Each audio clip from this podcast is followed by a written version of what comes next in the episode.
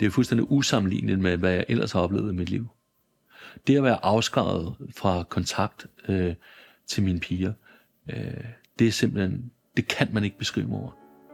For det er så forfærdeligt, og for mig fuldstændig ødelæggende.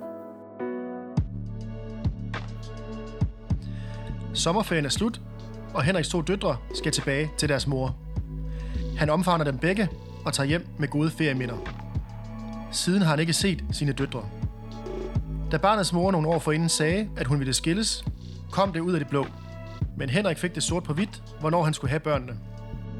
Delordningen kører herefter fint, indtil den ene datter fortæller om en episode på deres sommerferie. Velkommen til endnu et afsnit af podcastserien Uden min datter. Mit navn er Anders Vendt Jensen. Jeg har skrevet og udgivet bogen Uden min datter, syv års kamp for samvær. Den handler om, at jeg aldrig har set min datter, fordi barnets mor effektivt har arbejdet mod, at jeg skulle have samvær. Myndighederne kunne intet stille op. Den historie kan du høre mere om i det første afsnit i min podcastserie. Du kan også læse den i min bog, der blandt andet kan købes på saxo.com. Henrik boede sammen med sine døtre indtil de var 7 og 8 år gamle. Men det ændrer sig, da statsforvaltningen træffer en afgørelse om, at hans samvær med pigerne skal suspenderes. Hans hverdag og liv bliver forandret for altid. I dag er det tre år siden, han har set sine døtre. I lige så lang tid har han forsøgt at få moderen til at udlevere dem til samvær med hjælp fra myndighederne. Men forgæves. Moderen kan stadig slippe afsted med at holde børnene væk fra deres far. Her kan du høre Henrik fortælle om sin langstrakte kamp for at få genetableret kontakten med sine piger. Og du kan også høre om den episode i sommerferien, som den ene datter gik hjem og fortalte til sin mor. Den episode, der startede det hele.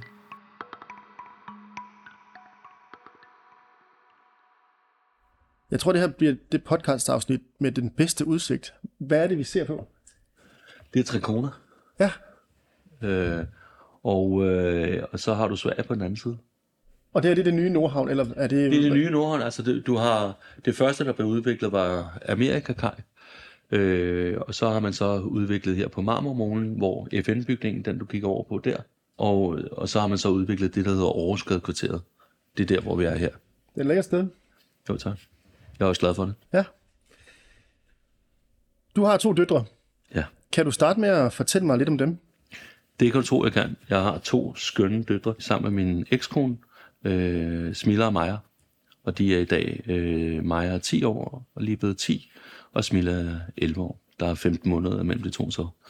De er meget forskellige af natur. Øhm, Smilla, storesøsteren, er lidt mere øh, reserveret, lidt mere introvert, øh, men øh, en super glad pige, meget, meget kreativ. Øh, og en utrolig elskelig pige, øh, og meget, meget omsorgsfuld over for sin lille søster Maja, som er lidt mere lillesøsteragtig, lidt mere øh, temperament, lidt mere øh, ekstrovert, og øh, nogle ekstremt søde piger, og de er simpelthen så glade for hinanden. Og hvordan var sådan dit, dit forhold til dem? Altså nu er, det, jo- nu er det så, at du ikke ser dem i dag, men det kommer vi tilbage til. Hvordan var dit forhold, da I så boede sammen som familie? Og... Jamen, øh, jeg har boet sammen med min øh, ekskone i godt ni år, øh, hvor jeg syv årene, øh, jeg mødte hende, mens jeg var i London, øh, og øh, boede i London, i, jeg boede der i, i, i øh, godt 10 år. Øh, hun boede sammen med mig over i, i syv årene, og vi flyttede så tilbage til, til Danmark i 2010, øh, og boede sammen i et par år frem til 2012, hvor vi blev skilt, og vi blev gift tilbage i 2008. og hvorfor er det så, du ikke ser dem i dag? Ja, der sker det, at altså, øh, vi, øh, som sagt, min ekskone og jeg bliver skilt i 2012, efter at vi har boet sammen på det tidspunkt i ni år. Smilla og Maja er på det tidspunkt øh, to, lige knap to og, godt, og lige blevet tre år, den ældste. Og det var for mig en meget, øh, en meget hård skilsmisse. Jeg var fuldstændig uforberedt, og det viser sig så, at min ekskone har fundet sig en anden mand.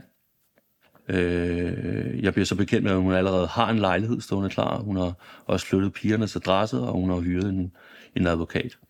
Men det brud, eller den skilsmisse, hvordan, hvordan foregik det der? Altså, I må have haft måske en samtale om, hvad så med børn, og, og hvordan... Det er noget, vi slet ikke. Øh, altså, det, det foregår øh, meget pludselig, Øh, jeg kan mærke, at der er noget galt, og beder hende om, at, at vi lige snakker sammen, hvad det er. Og vi har lige været faktisk til nogle af vores, øh, eller mine venners øh, bryllup, øh, og hun øh, fortæller sig, at hun ikke rigtig ved, hvad hun vil, og øh, hun har flirtet lidt med en.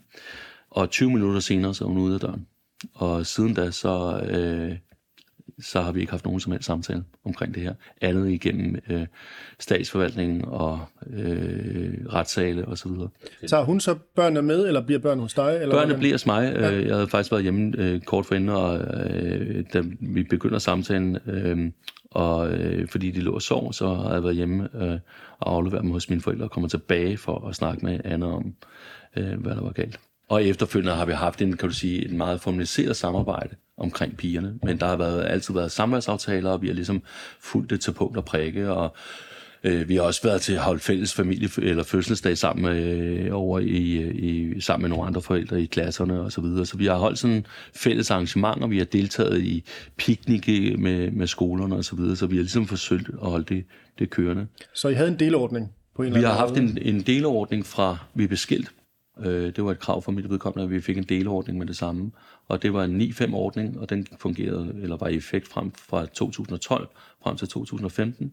Og i 2015, der ændrede det sig til en 8-6, så vi ligesom optrappede, så jeg fik noget mere samvær med, med pigerne. Og det var hensigten, at det på sigt skulle blive en, en 7-7-ordning. Kan du fortælle om de, de overleveringer, der, når I så havde de børn? Altså talte I sammen, eller det fungerer Ja, som altså skulle? det fungerede som det skulle. Vi havde aftalt, at det gjorde vi primært i, igennem institutionerne, så den ene hentede, og den anden bragte øh, i forhold til øh, på skiftedagene.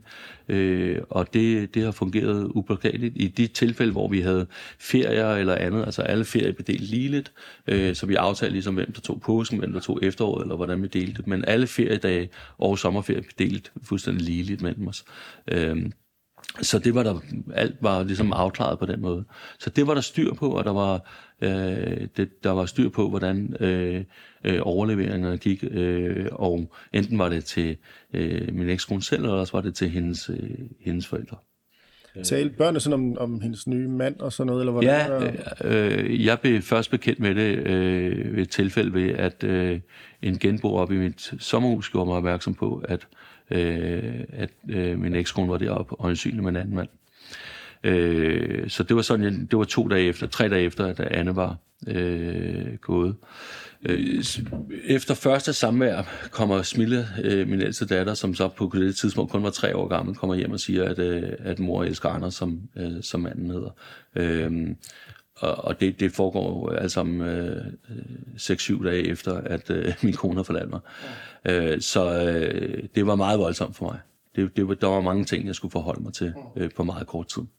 Men det er også vel hen, hen til det er egentlig, at i de år, hvor jeg havde en delordning, der, der var det naturligt nok at snakke om den ene og den anden, så Vi man har gjorde. i tale set det været hjemme hos os. Pigerne har i den grad fået lov til at snakke om alt, hvad der foregår hjemme hos mor, og hvis de havde lyst til at snakke om øh, mors nye mand, så fik de i den grad lov til det. Der har aldrig været på den måde, øh, det har pigerne ikke på nogen måde øh, øh, skulle bemærke eller vide, at, øh, at der var problemer den vej rundt, fordi det har været en helt naturlig del af det, og sådan har det, sådan har det formet sig. Og det var det i alle årene. Øh, øh, pigerne boede sammen med mig frem til de var 7 og 8, hvor, hvor det ligesom er min sag starter.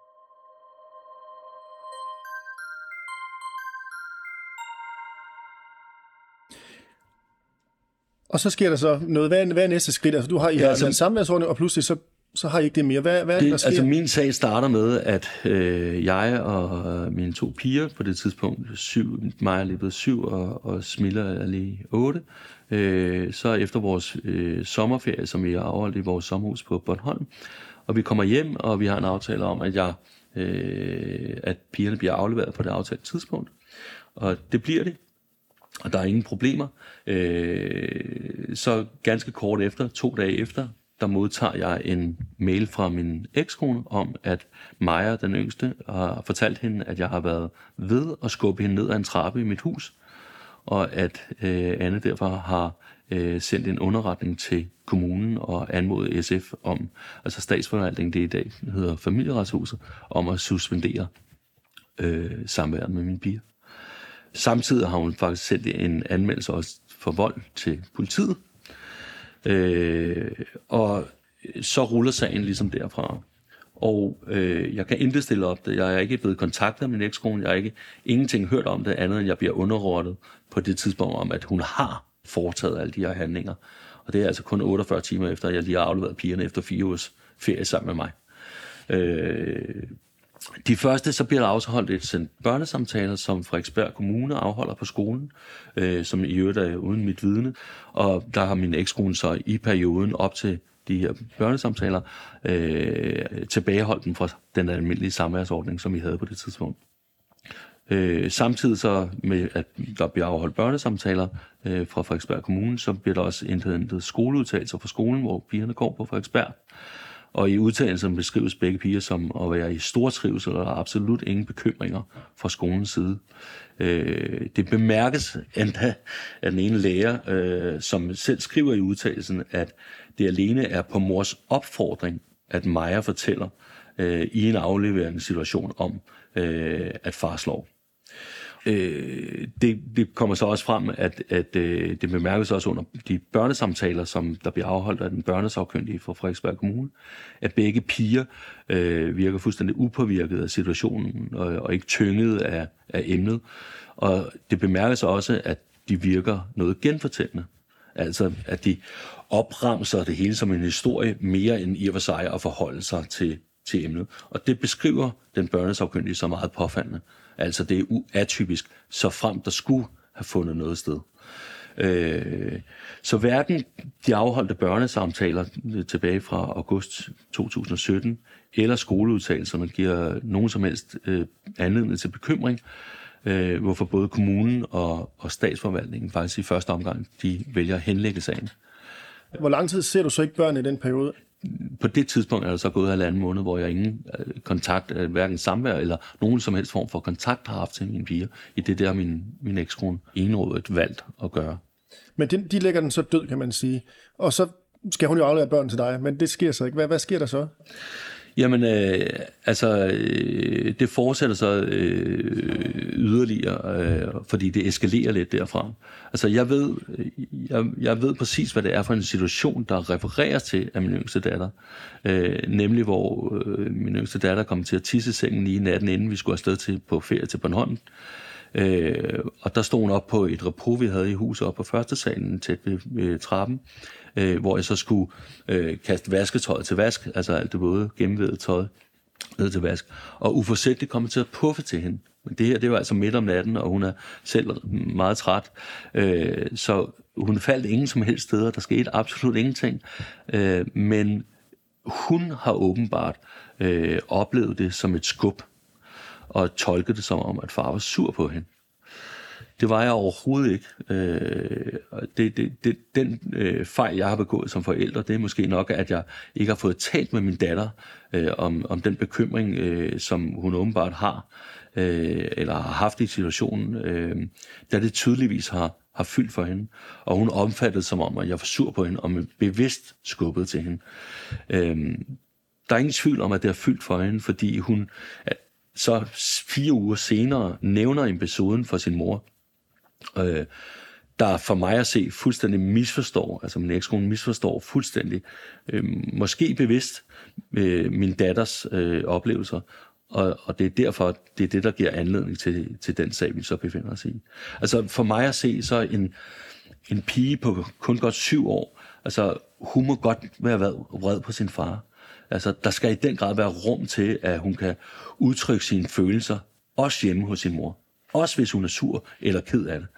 Øh, men jeg er enormt ked af den måde, som moren valgte at håndtere det på. Øh, uden nogen som helst foregående øh, samtale med mig, eller øh, andet end en orientering via e-mail om, at hun nu har iværksat øh, en anmodning om suspension inden for statsforvaltningen, at hun har kontaktet kommunen, og hun har underrettet politiet. Øh, det er jo meget, meget, meget voldsomme anklager, og, og det, det, det, det er fuldstændig imod den person, jeg almindeligvis er.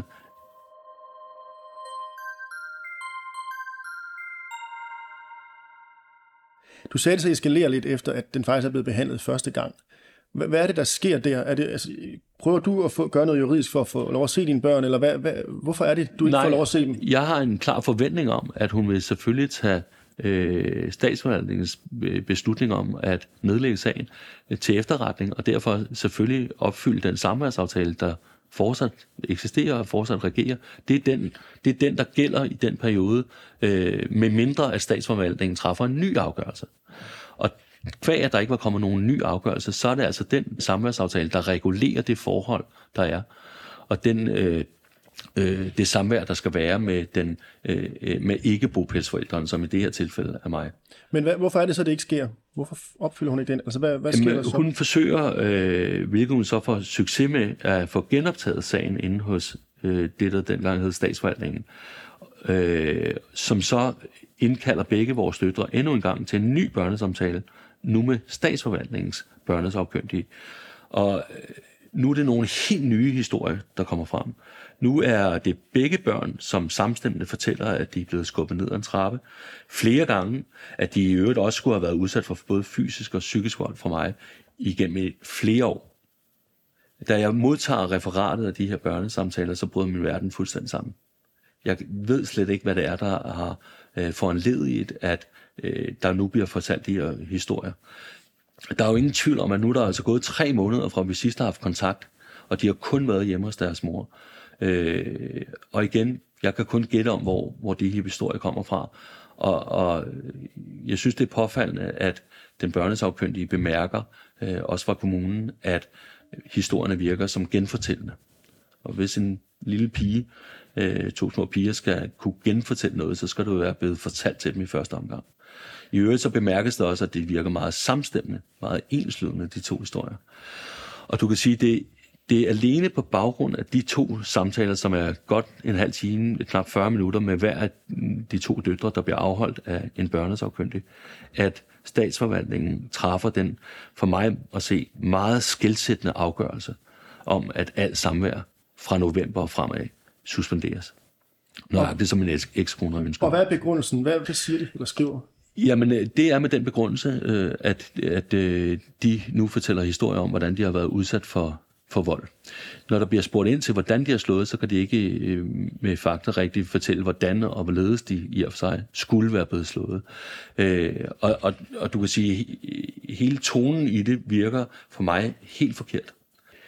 Dengang der afsluttede man, altså to måneder tidligere, der afsluttede man sagen uden nogen som helst bekymringer til nu fuldstændig at afskære pigerne fra al kontakt med deres far. Bliver du hørt i den sammenhæng med de tre Nej, slet ikke. Der er, vi, vi forsøger at lave skriftlige indlæg. Jeg forsøger øh, tre gange skriftligt øh, at skrive til øh, sagsbehandleren om, at jeg øh, gerne vil ind og, og, og, og drøfte det her, fordi jeg mener, det er en, det er en fuldstændig fordrejet øh, virkelighed. Det er ting, der ikke er, der er opdigtet. Jeg står øh, fuldstændig undrende tilbage, hvordan man ud fra det grundlag kan vælge at skære al kontakt, der er så elementær. Piger, jeg har boet sammen med fra deres fødsel til de var 7 og 8 år gamle, og nu i dag ingen kontakt har til, fordi moren har afskåret mig fra al kontakt, og i øvrigt også farmor og farfar, fædre, kusiner, alle på min side er afskåret fra al kontakt.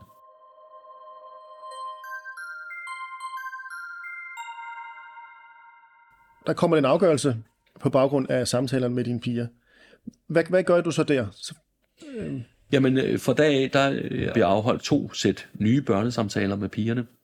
En i marts 18, og igen i maj 18. Er det kommunen eller statsvalget? Det er, det er kommunens øh, familieafdeling, der afholder de her børnesamtaler, og øh, kommunen er også hjemme hos mig, dengang boede jeg i Klampenborg, i det hus, som, øh, som jeg også boede i sammen med, med øh, pigernes mor. Men hvorfor blev den flyttet fra statsforvaltningen til kommunen, når den var det er, en, det er en proces, altså der bliver parallelt med statsforvaltningens sagen, bliver der oprettet en sag i kommunen, og der er det ene sæt børnesamtaler, hvor mange af de historier blev gentaget, og det andet sæt børnesamtaler efter, at rådgiveren har været hjemme og se mit hus og nogle tegninger, og der hænger blandt andet en tegning fra min, min ældste datter, som hvor hun har skrevet, at far er den bedste far, man kan ønske sig, og et stort hjerte rundt om, og, øh, som hun selv har hængt op på opslagstavlen.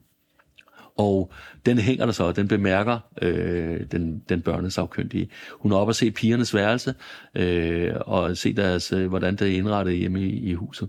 Og øh, det, det, hun stiller så nogle andre spørgsmål, da hun så holder øh, børnesamtaler i maj. Nemlig med, nu har jeg været hjemme og besøgt jeres far, hvordan der så ud. Jeg kunne se, I havde bamser nede under. Og, og så begynder, det kan jeg læse af referatet, at pigerne selv at fortælle om, hvordan de har hygget sig og leget, og hvad, alt det gode, som der har været i relation med deres far. Og der er intet om de andre ting, som ellers har været fokusområde i det sidste års tid. Det vil sige, det, det er så sideløbende med statsforvaltningen.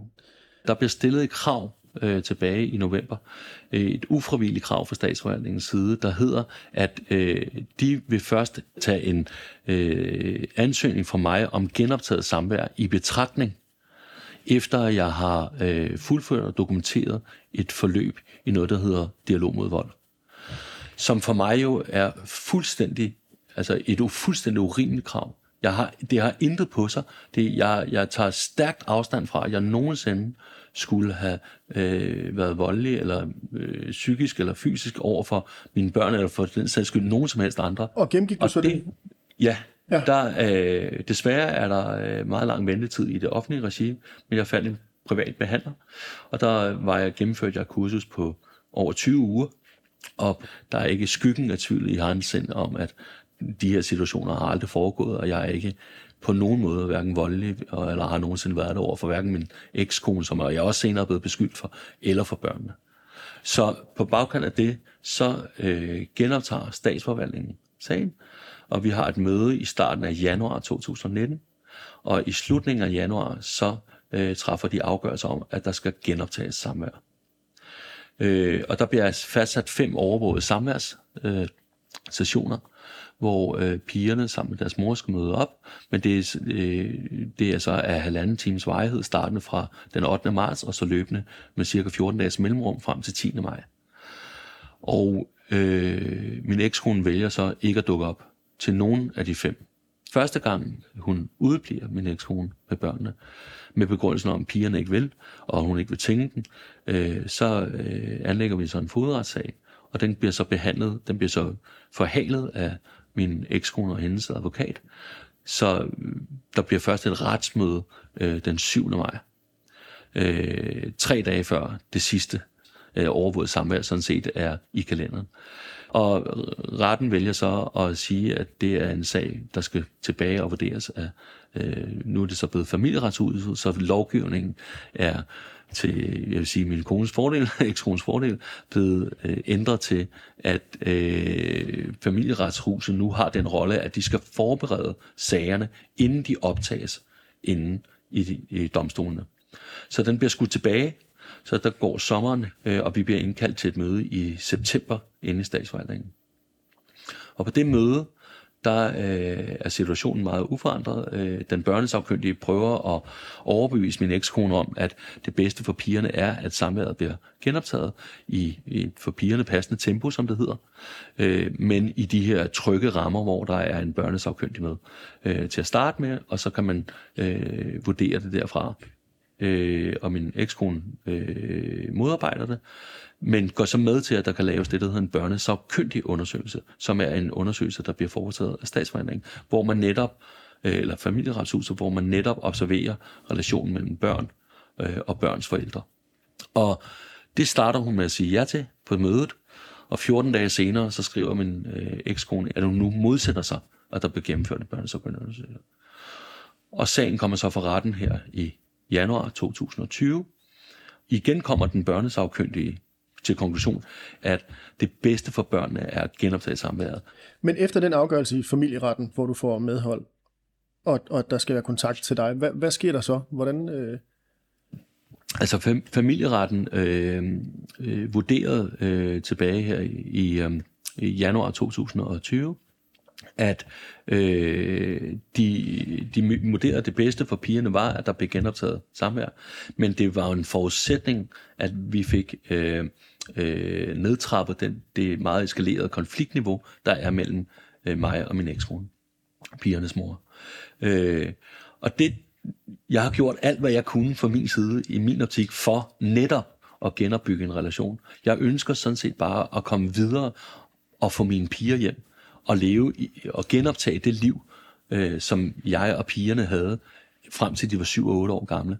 Og det konfliktniveau, det var meningen, at jeg og min ekskone skulle indgå i noget familieterapi. Og det var vores oplæg fra min advokat var så, at vi gik i parallelt forløb, øh, samtidig med, at der blev genindsat de her overvågede, fem overvågede samværsreaktioner. Og det valgte familieretshuset at sige, at det kunne de ikke gennemtvinge. Og derfor har vi anket sagen nu til landretten. Og det er der, vi står nu.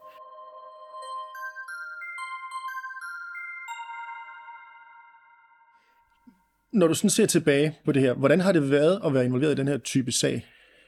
Jamen, det har været øh, fuldstændig livsnedbrydende for mig. Øh, det har, øh, altså, det at øh, det lykkedes moren at få ophævet samværet, og dermed øh, at al kontakt øh, mellem mig og, øh, og min familie, altså farmor og farfar, fædre, kusiner osv., og alle mine venner, øh, kontakten til mine piger øh, afbrudt, er, er ubeskriveligt. Altså, jeg kan, slet ikke, øh, jeg kan slet ikke beskrive med ord det savn, der er til mine piger piger, som jeg har boet sammen med, øh, du ved, godt nok i en delordning fra de var to og tre, men frem til de var syv og otte år gamle.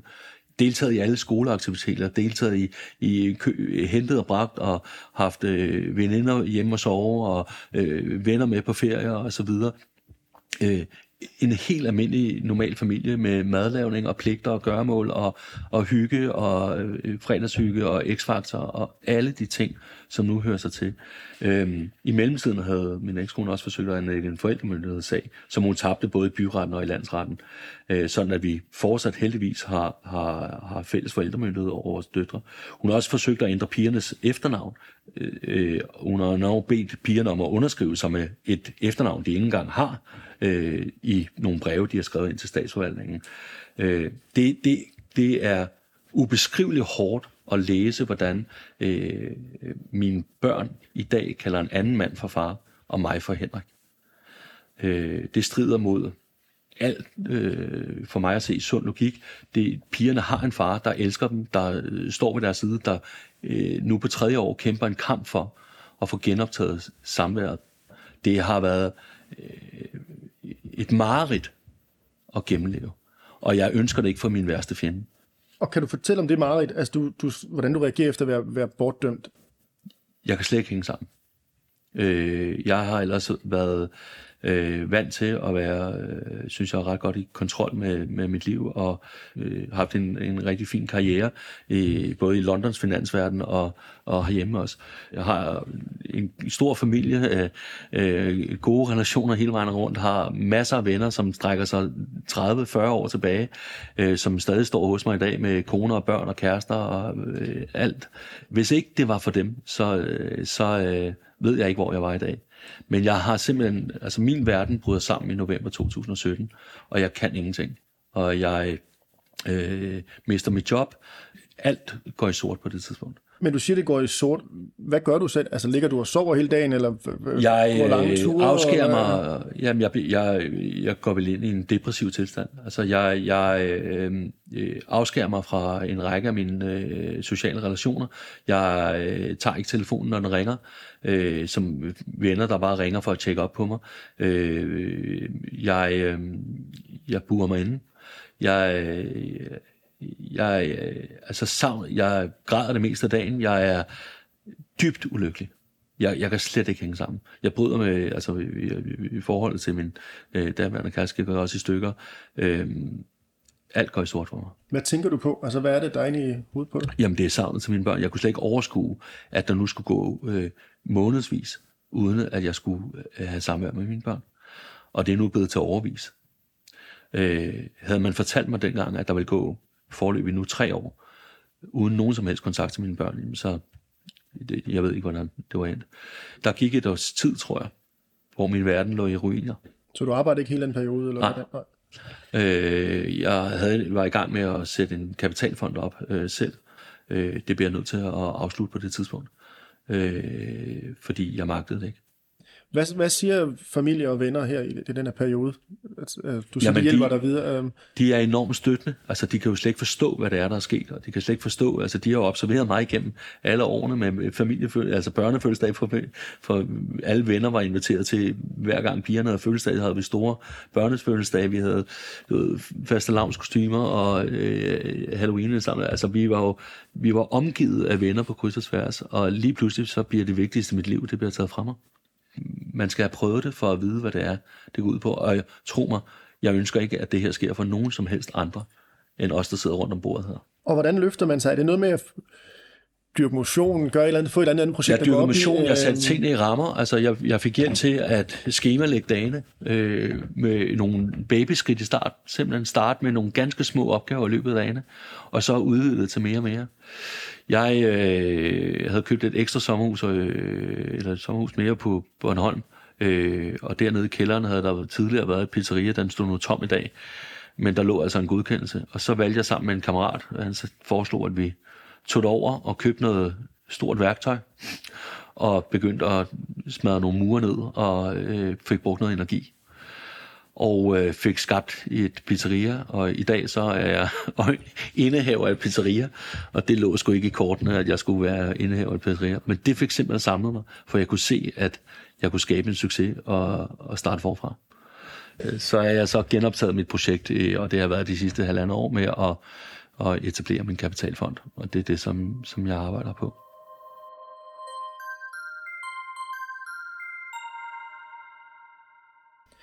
Hvis vi går hen til systemet, hvad kunne vi have gjort anderledes i din sag? min historie, som der nu er bevågenhed omkring i forhold til også din egen sag og den bog, du har skrevet, der beskriver mange af de her forhold. Øh, den podcast-serie, du nu kan lave, hvor du kan blive ved med at finde nye øh, sager, som kommer frem. Øh, det er ikke en enig svale. Det er den måde, som systemet, i min optik, så uhensigtsmæssigt behandler de her sager på. Jeg vil næsten kalde det en skødesløs sagsbehandling fuldstændig lemfældig sagsbehandling. Det må ikke være en mands værk, når man bryder en familie. Nu siger du, nu siger du en mands værk, det skal jeg lige forstå. Ja, I min optik så er sagsbehandleren fra statsforvaltningen, som det hed tilbage i 2017, han er i den grad ansvarlig for øh, de konsekvenser, som jeg og mine børn lever med øh, tre år senere. Men tænker du, at reglerne egentlig er gode nok, men det er en sagsbehandler, der ikke kan finde ud af at forvalte, eller hvor, hvor er vi henne sådan? Nej, for jeg, det, der, der burde have været helt anderledes, det er, at man burde lave en langt mere grundig sagsbehandling, i stedet for at lave de her, jeg ved ikke, jeg tror du selv har kaldt dem skrivebordsafgørelser. Altså, man, skal, man bliver nødt til, når man træffer så indgribende afgørelser i børns liv, og det er jo liv, der er på spil her. Glem, hvad jeg ryger ud i, øh, af depression og andet, der er fulgt med, øh, og miste job og miste kæreste osv. Glem det. Nu har jeg rejst mig igen, heldigvis, for jeg har samlet mine ressourcer. Men børnene lever med det her. Så man skal være 100% sikker på fra myndighedernes side, at det er den rigtige afgørelse, man træffer. Min afgørelse er truffet på baggrund af 35 minutter med den ene og 40 minutters samtale med den anden. Tre måneder efter afbrudt kontakt med deres far, hvor moren fuldstændig enrådet har haft adgang til de piger. Øh, og i øvrigt i diametral modsætning til de første sætter børnesamtaler, hvor der ingen bekymring var. Så man laver en fuldstændig afgørende beslutning på et, et, et, et for mig at se, ekstremt tyndt grundlag. Nemlig nogle historier, der i øvrigt er bemærket af den børnesafkyndige, virker genfortællende. Man bliver nødt til, når man træffer så vigtige beslutninger, at det må være et lovkrav, at man som minimum gennemfører det, der kaldes en børnesaglig undersøgelse. Altså det, min ekskone har modsat sig, at der bliver udfærdiget. Der bliver nødt til at lægge nogle ekstremt konkrete beviser, noget dokumentation. Alle tre myndigheder, altså politi, dengang statsforvaltning og kommune, henlagde sagen i første omgang. Så vælger man så halvandet år senere fra statsforvaltningen at genoptage i form af overvåget samvær, efter jeg havde gennemført det obligatoriske kursus. Men at man ikke har beføjelser fra statsforvaltningen, nu familieretshusets side til at gennemtvinge de her andet end det skal en lovgivende instans være til. Det er helt fint, at det er så det, vi har ændret systemet til at gøre, at det er øh, retssystemet, der skal øh, gennemtvinge den typer af samvær. Øh, Men det oplæg, det indspark, der indgives, altså det er jo det, familieretshuset skal lave det forberedende arbejde. Og som led i det forberedende arbejde, inden den kommer fra retten, der må som minimum ligge en fyldesgørende undersøgelse, hvor relationen både mellem mig, min ekskone, mig, børnene, børnene og børnenes mor, altså at man når hele vejen rundt i relationer og observerer det og kommer med en fyldesgørende rapport af det, det må være et lovkrav. Det kan ikke være noget, at en, en, en mor kan modsætte sig, eller en far for den sags skyld. Så det er noget med, hvis du nu var minister og skulle ændre det her, er det også noget med, at der skal være nogle, nogle sanktioner, øh, eller hvordan? Altså for mig at se, så er det jo, det er jo omkostningsfrit for min ekskone, øh, altså pigernes mor, øh, og i gang sætte sådan en sag. Det er omkostningsfrit for min ekskone direkte i modstrid med samværsordningen, og tilbageholde børnene fra samvær. Der er ingen repressalier.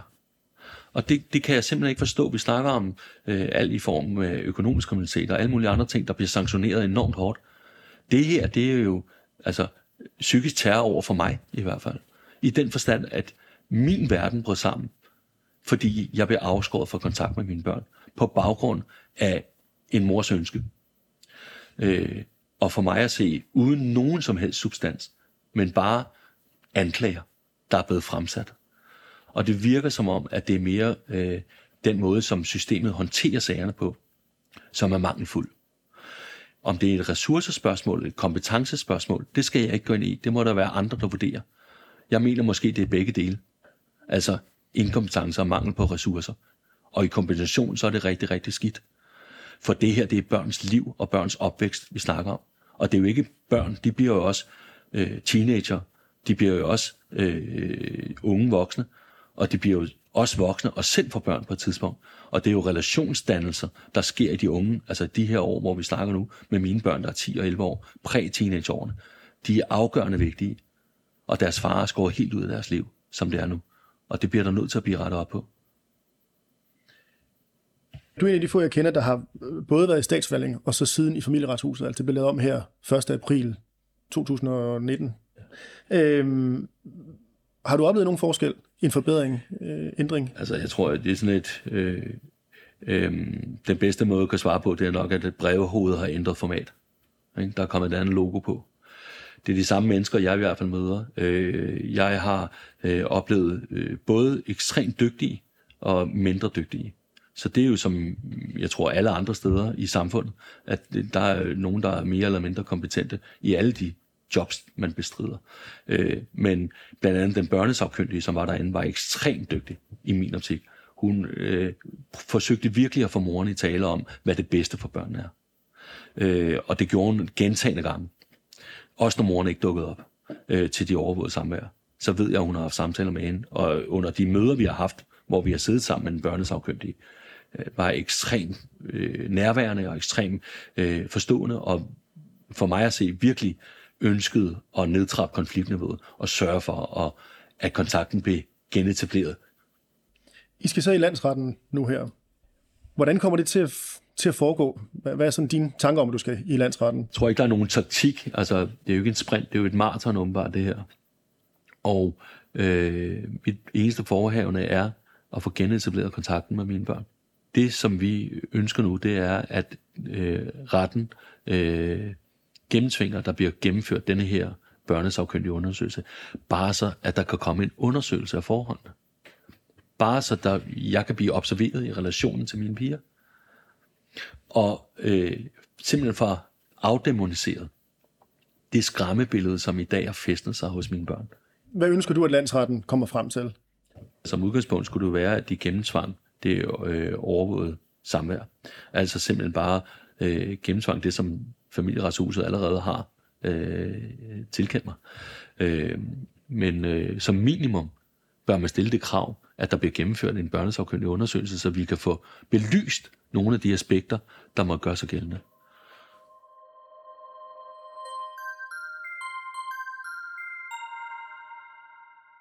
Hvordan har du synes, du har oplevet, når du sådan ser tilbage på det her? Jeg tror, øh, jeg bedst kan beskrive det ved, at øh, jeg synes, jeg har været passager i en sidevogn til en motorcykel, der er blevet ført af min ekskone. og øh, at øh, systemet rundt om øh, ikke har stillet så mange øh, spørgsmål, men mere taget hendes udsagn øh, for gode varer. Øh, uden at stille de spørgsmål til, hvad er det, der er i historierne? Hvad er sandt? Hvad er mindre sandt? Jeg har måttet af flere omgange i retssalen dokumentere simpelthen med hendes egne ord, nogle e-mails, hun selv har skrevet, hvordan hun har udvist det, der hedder foragt for retten, altså simpelthen løjet over for retten. Og jeg står og læser op af nogle mails, hvor hun siger, at det er stik modsatte, hvad hun lige har lavet et indlæg på otte sider om, at jeg skulle have gjort. Så det er hende, der ligesom har styret forløbet, i stedet for hun er blevet styret?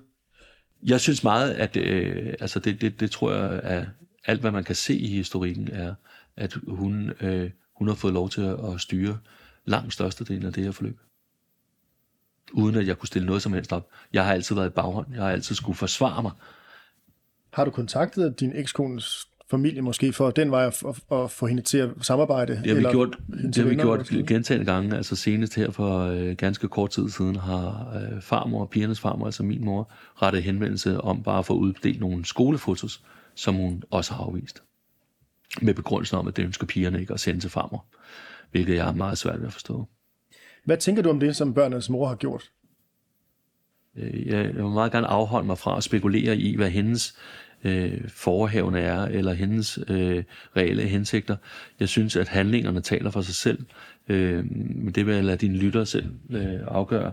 Øh, jeg kan slet ikke forstå, at man vælger at afskære små børn, øh, i det her tilfælde to små piger, fra relationen til deres far, som igennem hele deres omvækst frem til de var 7 og 8 år gamle, som de har boet sammen med, som de har levet sammen med, som de har haft øh, ferie med, øh, farmor, farfar, fætter, kusiner, omgangskreds, øh, med masser af børn og glæde og omsorgspersoner, der bare elsker dem og holder af dem og ved dem det absolut bedste.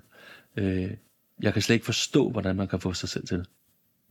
Det er enormt vigtigt for mig, at mine piger ved, hvor elskede og hvor savnede de er, og at de begge to blev lavet i kærlighed. Øh, hvad der er sket efterfølgende, det sker desværre for mange, øh, at man splitter op. Men de er på ingen måde mindre elskede eller mindre ønskede. De er mit et og alt, og øh, jeg vil kæmpe øh, fortsat for, at mine børn får den far, som de har. Du lyder som om, at du er overbevist om, det lader sig gøre en dag. Det skal lade sig gøre. Jeg tør ikke at tænke den anden tanke. Hvordan ser fremtiden ud?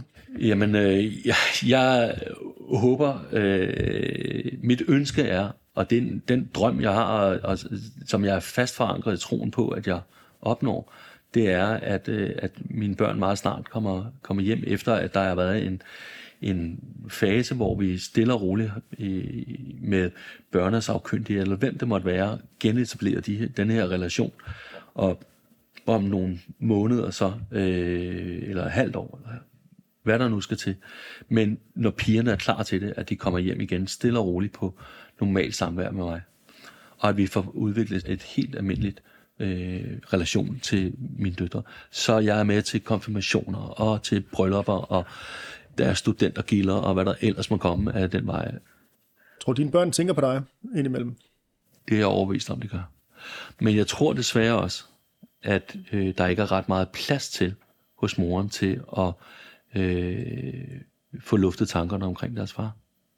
Og jeg tror desværre, at de har en knude i maven. Det er det, jeg kan forstå på øh, nogle af deres øh, legeveninders forældre, at de har ændret sig enormt meget under de sidste tre år. Og de virker tynget. Øh, det er vel meget naturligt, at børnene har en klump i maven. Øh, måske fordi de kan se, hvad konsekvenserne har været af nogle ting, de ikke rigtig har øh, du ved, haft til hensigt, eller som de slet ikke skal øh, bekymre sig om, men har øh, luftet en bekymring hjemme hos deres mor om, at hun var sur på sin far, og det er så endt med øh, der, hvor vi står i dag. Det, det, det kan jo være dårlig samvittighed. Der kan være mange årsager til, at pigerne er trykket i dag. Øh, men det skal jo justeres, det skal udlignes. Vi skal tilbage til et normalt kærligt forhold, og de skal vide, at deres far er her. Det, der holder mig oppe, det er, at jeg har en fast tro på, at selvfølgelig kommer de hjem til deres far igen. Øh, og det skal de. Og det er det, jeg kæmper for. Du har nu hørt Henriks historie. Jeg genkender hans frustration fra et langsomligt system, og den afmagt, han sidder tilbage med. Jeg håber, at hans døtre en dag får mulighed for at være sammen med deres far og modtage den kærlighed, som han og hans familie har til dem. Det gør ondt at høre om den situation, som Henrik og hans døtre står i. Jeg håber, at tingene løser sig, så de kan få glæde af hinanden. Tak fordi du vil lytte til dette afsnit af podcastserien Uden min datter. Du er velkommen til at skrive til mig på podcastens Facebook-side, hvis du kender en god historie, jeg bør have med i et kommende afsnit. Facebook-siden hedder Uden min datter. Du må meget gerne gå ind og synes godt om den. Du kan også abonnere på podcasten, så du altid får de nyeste afsnit. Musik og lyd er lavet af Oscar Vendt Mosgaard. Jeg håber, du vil lytte med igen en anden gang.